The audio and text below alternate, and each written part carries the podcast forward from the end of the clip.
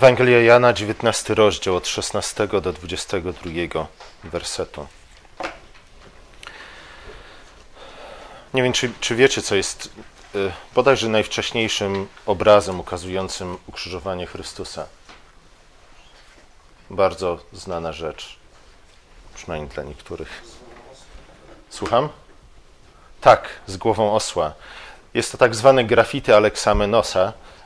Zostało ono wyryte na murze Pałacu Cezarów w Rzymie. Odkryto je dopiero w XIX wieku na nowo. Pochodzi z II wieku i ukazuje mężczyznę, który oddaje cześć ukrzyżowanemu człowiekowi z głową osła.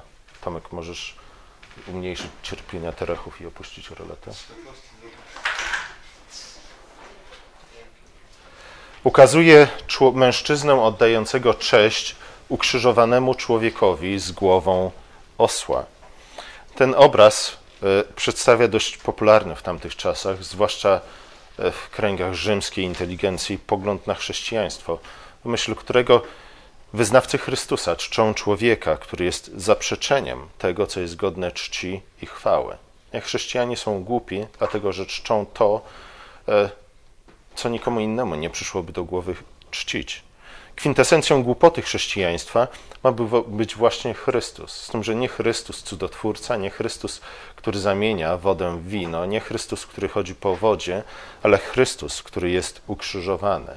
Chrystus, który jest ukrzyżowany, mimo to, że chodził po wodzie, mimo to, że zamienił wodę w wino, mimo to, że uzdrawiał chorych, wskrzeszał, chor, e, wskrzeszał zmarłych. Nie? E, właśnie w tym tkwi obraza krzyża, iż na krzyżu zawisł nie byle kto, ale ten, który rozbudził w sercach ludzi tak wielkie nadzieje, tak wielkie oczekiwania. Nie wiem, czy pamiętacie rozmowę, spotkanie Jezusa z dwoma uczniami w drodze do Emaus, zaraz po zmartwychwstaniu, gdy oni jeszcze nie wiedzieli, że Chrystus zmartwychwstał. Ci uczniowie szli do Emaus y, kompletnie zdruzgotani i gdy Chrystus zapytał ich, dlaczego się smucą, y, powiedzieli ich, cała nasza nadzieja y, legła w gruzach, gdy ukrzyżowano naszego Pana chwały. Dlaczego? Dlatego, że ze względu na to, kim On był, ze względu na to, co robił, ze względu na to, jakie nadzieje w nas rozbudził. Ale krzyż był zaprzeczeniem tych wszystkich nadziei. Krzyż, ze względu na krzyż okazaliśmy się głupcami. W ten sposób Rzymianie, nie tylko Rzymianie, ale też wielu Żydów patrzyło na chrześcijan. By lepiej zrozumieć, dlaczego krzyż był kamieniem obrazy dla wielu mieszkańców Imperium Rzymskiego, myślę, że warto przypomnieć sobie, e, czy też bliżej przyjrzeć się temu rodzajowi kary i śmierci. Nie wiem, czy zwróciliście uwagę na to. Oczywiście wszyscy widzieliście Pasję Mela Gibsona i myślę, że, że jest to film warty obejrzenia, choć ukazuje śmierć Chrystusa z jednej tylko perspektywy, z perspektywy fizycznego cierpienia. E, nie jest to jednak jedyna perspektywa i wydaje się, że nie jest to perspektywa e, ewangelistów. Ewangeliści nie rozpisują się na temat szczegółów technicznych ukrzyżowania. Nie? Gdy czytamy Ewangelię, oczywiście mamy przed oczami obraz Chrystusa cierpiącego, mówimy też o męce, o pasji pańskiej, ale tak naprawdę nie jego ból, nie jego cierpienie jest tym, co jest wysunięte na pierwszy plan. E, ewangeliści być może nie musieli dokładnie opisywać e, szczegółów technicznych ukrzyżowania, ponieważ e, nie musieli tego robić.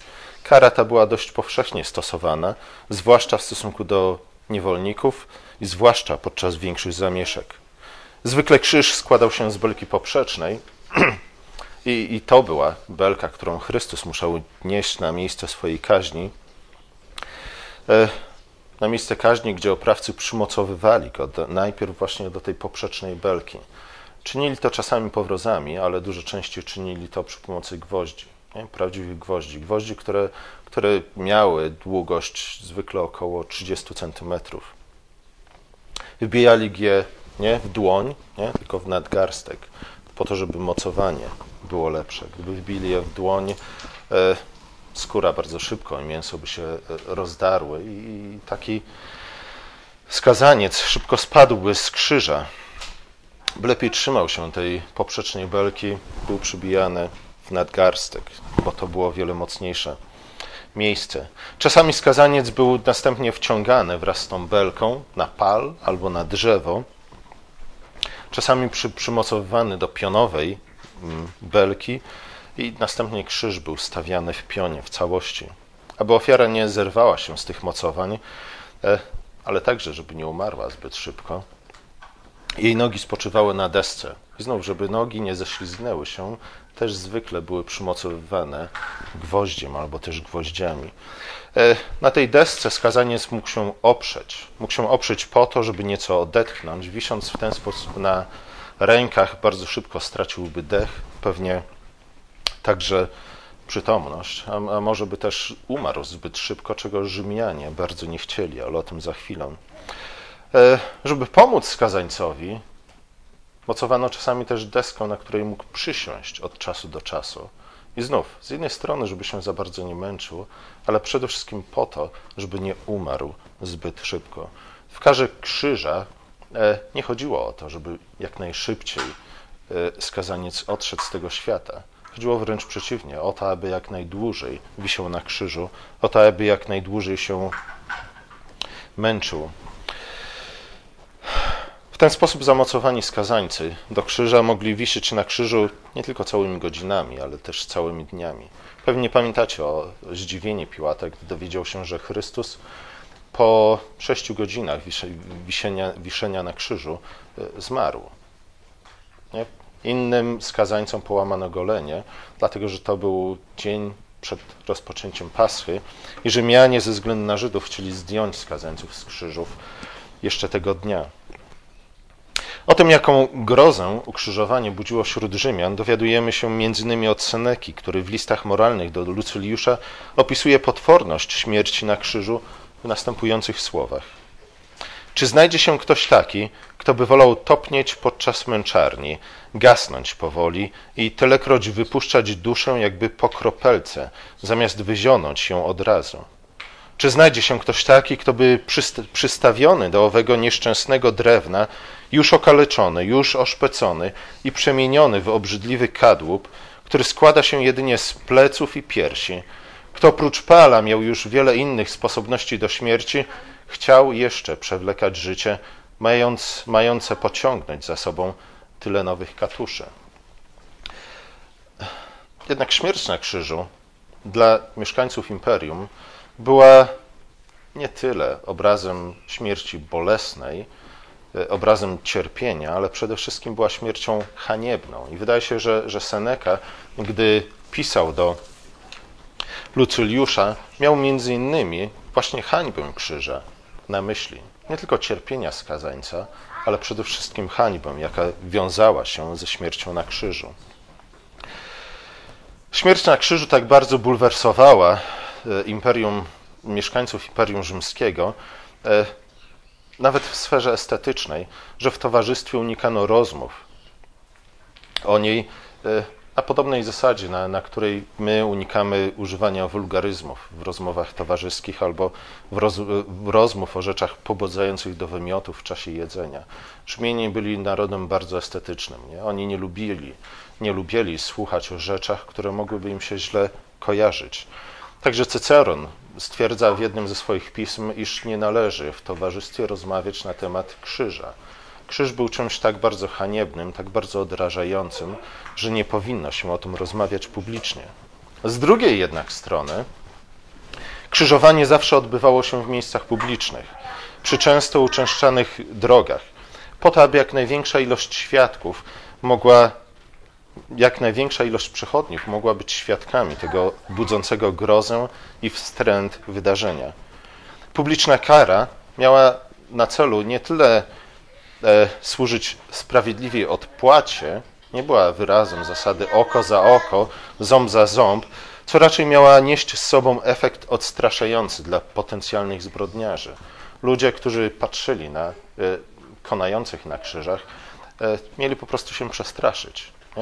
I, I w związku z tym unikać dróg, którymi chodzili ci zbrodniarze. Dlatego też nierzadko umieszczano na krzyżu tablicę z krótkim opisem winy skazańca, dokładnie tak, jak to uczyniono w przypadku Jezusa. Jezus Nazareński, król żydowski. Z tym efektem odstraszania wiązała się dość duża rozbieżność, czy też moglibyśmy powiedzieć kreatywność w sposobie krzyżowania. Nie tylko, że krzyże miały inne, różnego rodzaju kształty, Czasami był to zwykły pal, czasami przypominały one kształtem literą T, czasami było to takie krzyże, jakie my, jakich my używamy. Czasami było to, były to krzyże w kształcie litery X. Krzyż świętego Andrzeja nie? ma taką formę. E, skąd ta różnorodność? Dlaczego Rzymianie byli tak bardzo kreatywni w wymyślaniu nowych sposobów na ukrzyżowanie? I znów chodziło nie tyle o zmaksymalizowanie męki ofiary, lecz o maksymalne rozciągnięcie tej męki po to, aby możliwie najdłużej obraz cierpienia oddziaływał na zmysły i wyobraźnię obserwatorów. Z tego też powodu unikano zbytniego upływu krwi. Nie? Oprawcy rzymscy byli naprawdę mistrzami w swoim dziele. Wiedzieli, w jaki sposób ukrzyżować człowieka tak, żeby zbyt szybko nie skonał. Wiedzieli, w jaki sposób przybijać gwoździe po to, aby nie naruszyć żył ani tętnic, po to, żeby nie wykrwawił się zbyt szybko. Unikano zbytniego upływu krwi, by wysielec nie zemdlał, ani tym bardziej nie odszedł z tego świata przedwcześnie. Zatem, choć ból doświadczany przez skazańca był nieodzownym elementem kary, to jednak nie był jej najważniejszym elementem. Najważniejszym elementem ukrzyżowania było pohańbienie ofiary, odarcie jej z wszelkiej godności, z wszelkiego człowieczeństwa, po to, aby nie wzbudzała już żadnej sympatii ani współczucia, lecz tylko odrażenie i wstręt, jak ten, przed którym zakrywa się twarz. To widzowie mieli poczuć ból i awersję, patrząc na agonię ukrzyżowanego. W ukrzyżowaniu chodziło nie tyle o sprawienie bólu krzyżowanemu, osobie ukrzyżowanej, ale o sprawienie wręcz fizycznego bólu tym, którzy widzieli osobę ukrzyżowaną. To widzowie mieli poczuć ból i awersję, patrząc na agonię ukrzyżowanego, po to, żeby później wyprzeć go ze swojej świadomości, po to, żeby nie przyprawiał ich już więcej o gorzkie doświadczenia. Kultura grecko-rzymska, tak jak bardzo wiele starożytnych kultur, była kulturą opartą na honorze i hańbie. Dlatego też oprawcom o wiele bardziej zależało na e, zniesławieniu ofiary, niż na zadaniu jej bólu. I rzeczywiście ewangelijny opis męki pańskiej, choć nie ukrywa jej fizycznego wymiaru, czytając te opisy, opisy męki pańskiej, jesteśmy w stanie poczuć ból Chrystusa, to jednak nie skupia się na, to jednak skupia się na czymś innym. Nie? Jest inny niż obraz Mela Gibsona. Nie? patrząc na ten film, rzeczywiście odczuwamy ból, ból fizyczny, ale ewangeliści próbują okazać nam coś innego. Skupia się mniej na bólu, a bardziej na licznych próbach zhańbienia Chrystusa. Jeśli jeszcze raz kiedyś będziecie czytać opis męki pańskiej, zwróćcie właśnie na to uwagę. E, na tych licznych próbach zhańbienia, poniżenia Chrystusa, odarcia go ze wszelkiej czci i chwały, by nikomu już nie przyszło do głowy, aby naśladować Chrystusa, by nikomu nie przyszło do głowy, aby uważać go za posłańca od Boga, za kogoś, kto rzeczywiście jest w stanie wyprostować ten pogięty świat, kto jest w stanie uciszyć wszelki krzyk i otrzeć wszelką łzę. Chrystus zginął w taki, a nie inny sposób po to, abyśmy patrząc na Niego, porzucili wszelką nadzieję związaną z Nim. Po to, abyśmy patrząc na Niego, uznali Go za hochsztaplera i za kłamcę. Za tego, który co prawda przyszedł do nas z wielkimi, z pięknymi słowami, z wielkimi obietnicami, rozbudził w nas wielkie nadzieje, a jednak okazał się na końcu oszustem.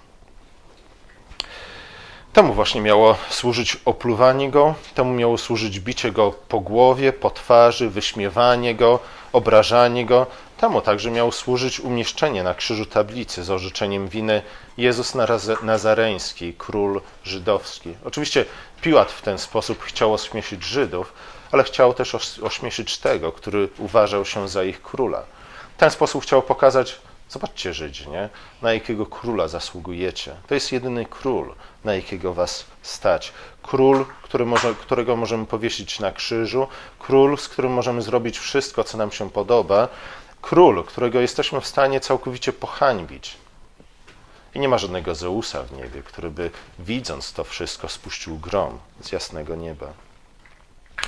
W tę serię wydarzeń wpisują się także inne zdarzenia, już może nie do końca intencjonalne, tak jak zachowanie rzymskich żołnierzy, e, ale także wydarzenia, które mają służyć obdarciu Chrystusa z wszelkiej czci i chwały.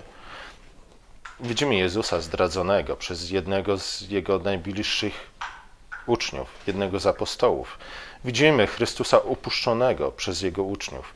Widzimy Chrystusa zdradzonego przez Piotra, skałę, na której miał zbudować swój kościół.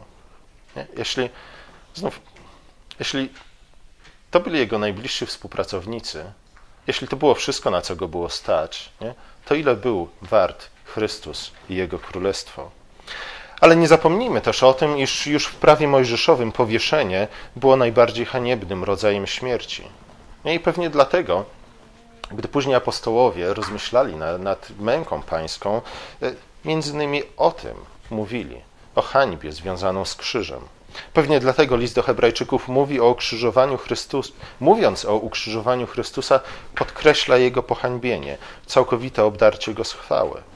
Zaś Paweł w pierwszym liście do Koryntian mówi o ukrzyżowaniu Pana chwały, przez co podkreśla hańbę związaną z krzyżem.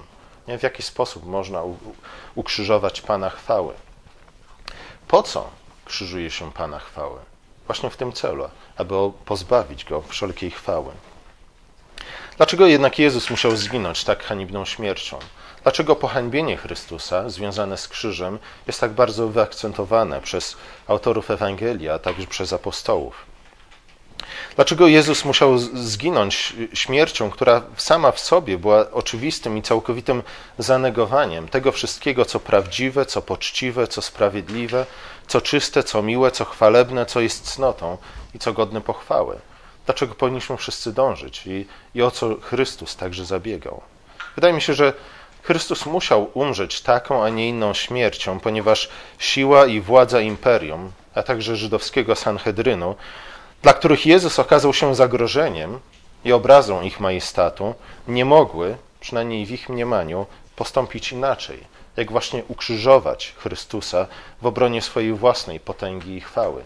Musiały zadać mu najbardziej haniebną spośród wszystkich możliwych rodzajów śmierci, po to, aby obedrzeć go z chwały, po to, aby pokazać, iż wszelkie jego twierdzenia są niczym niepoparte, po to, aby zachować swoją własną powagę i chwałę. Ukrzyżowali go dlatego, że był dobry i prawy. Ukrzyżowali go właśnie dlatego, że zamienił wodę w wino. Ukrzyżowali go dlatego, że karmił biednych. Ukrzyżowali go dlatego, że uzdrowił chorych i wskrzesił martwych. Ukrzyżowali go, ponieważ swoją dobrocią i prawością obnażył ich złość i ich niegodziwość. Dzisiaj tak już, tak już jest, że lubimy tylko te lusterka, które mówią nam to, co chcemy usłyszeć. Lubimy tylko te lusterka, które mówią nam, jak piękni jesteśmy, jak wpływowi, jak bystrzy, jak wiele jesteśmy w stanie zrobić i załatwić, lub też jak biedni jesteśmy, jak bardzo pokrzywdzeni przez Boga i przez ludzi. Krzyż jest jednak innym lustrem. W krzyżu widzimy siebie takich, jakimi sami jesteśmy. Krzyż obnażył całkowitą, całkowite bankructwo zarówno Sanhedrynu, jak i Imperium Rzymskiego. Krzyż obnażył ich własny wstyd i hańbę. W krzyżu widzimy tacy, siebie tacy, jakimi naprawdę jesteśmy lub jakimi bylibyśmy, gdyby nie dotknęła nas łaska Boża. Widzimy siebie jako oprawców, którzy zamiast uwielbić swego Stwórcę i złożyć Mu dziękczynienie, znikczemnieli w swoich myślach, stłumili prawdę przez nieprawość, wypchnęli Go ze swojego świata na krzyż, ciesząc się z Jego hańby, ciesząc się z Jego ran i słabości, lecz nie wiedząc, że On dał się nam tak potraktować, ponieważ nas umiłował i to miłością mocniejszą niż śmierć i twardszą niż piekło. Nie zrozumieliśmy jego słów, gdy mówił, że ziarno musi umrzeć, by wydać owoc. Dlatego zachowaliśmy się jak, jak Piotr, zachowaliśmy się jak Judasz, zachowaliśmy się jak iczni, inni uczniowie, zachowaliśmy się jak ci dwaj, którzy, których Jezus spotkał w drodze do Emaus. Wielkie nadzieje, rozbudzone przez obietnicę Chrystusa, a później tragedia związana z krzyżem. Nie zrozumieliśmy Jego słów, gdy mówił, że ziarno musi umrzeć, by wydać owoc. Nie zrozumieliśmy, nie zrozumieliśmy Jego słów, gdy mówił, że miłość musi dać się pochłonąć, po to, aby wzbudzić wiarę. Nie zrozumieliśmy Jego słów, gdy mówił, że Bóg musi dać się pohańbić, by przywrócić nam prawdziwą ludzką godność. Pomódlmy się. Nasz drogi łaskawy Ojcze, dziękujemy Ci za Twojego Syna, Jezusa Chrystusa. Dziękujemy Ci za to, że posłałeś Go na ten świat po to, aby umarł za nasze grzechy. Dziękujemy Ci za to, że okryłeś Go hańbą, po to, aby nam przywrócić prawdziwą godność, przywrócić prawdziwy obraz Boży w naszym życiu. Drogi Ojcze, prosimy Cię o to, abyś zechciał być dla nas łaskawy e, każdego dnia, zawsze wtedy, gdy odwracamy się od krzyża Twojego Syna, zawstydzeni, zbulwersowani, może obrażeni tym, co na nim widzimy. Albo gdy czynimy sobie inne krzyże, krzyże, które są, w których nie widać żadnej hańby, żadnego, żadnego odrzucenia ani pogardy. Prosimy Cię, Ojcze, o to, abyśmy nigdy nie wstydzili się krzyża, na którym umarł nasz Zbawiciel. Prosimy Cię, Ojcze, abyśmy byli w stanie dostrzec w nim prawdziwą chwałę i nowe życie, które wyrosło z tego ziarna, które umarło na nim. Prosimy Cię o to w imieniu Jego, w Jego imieniu. Amen.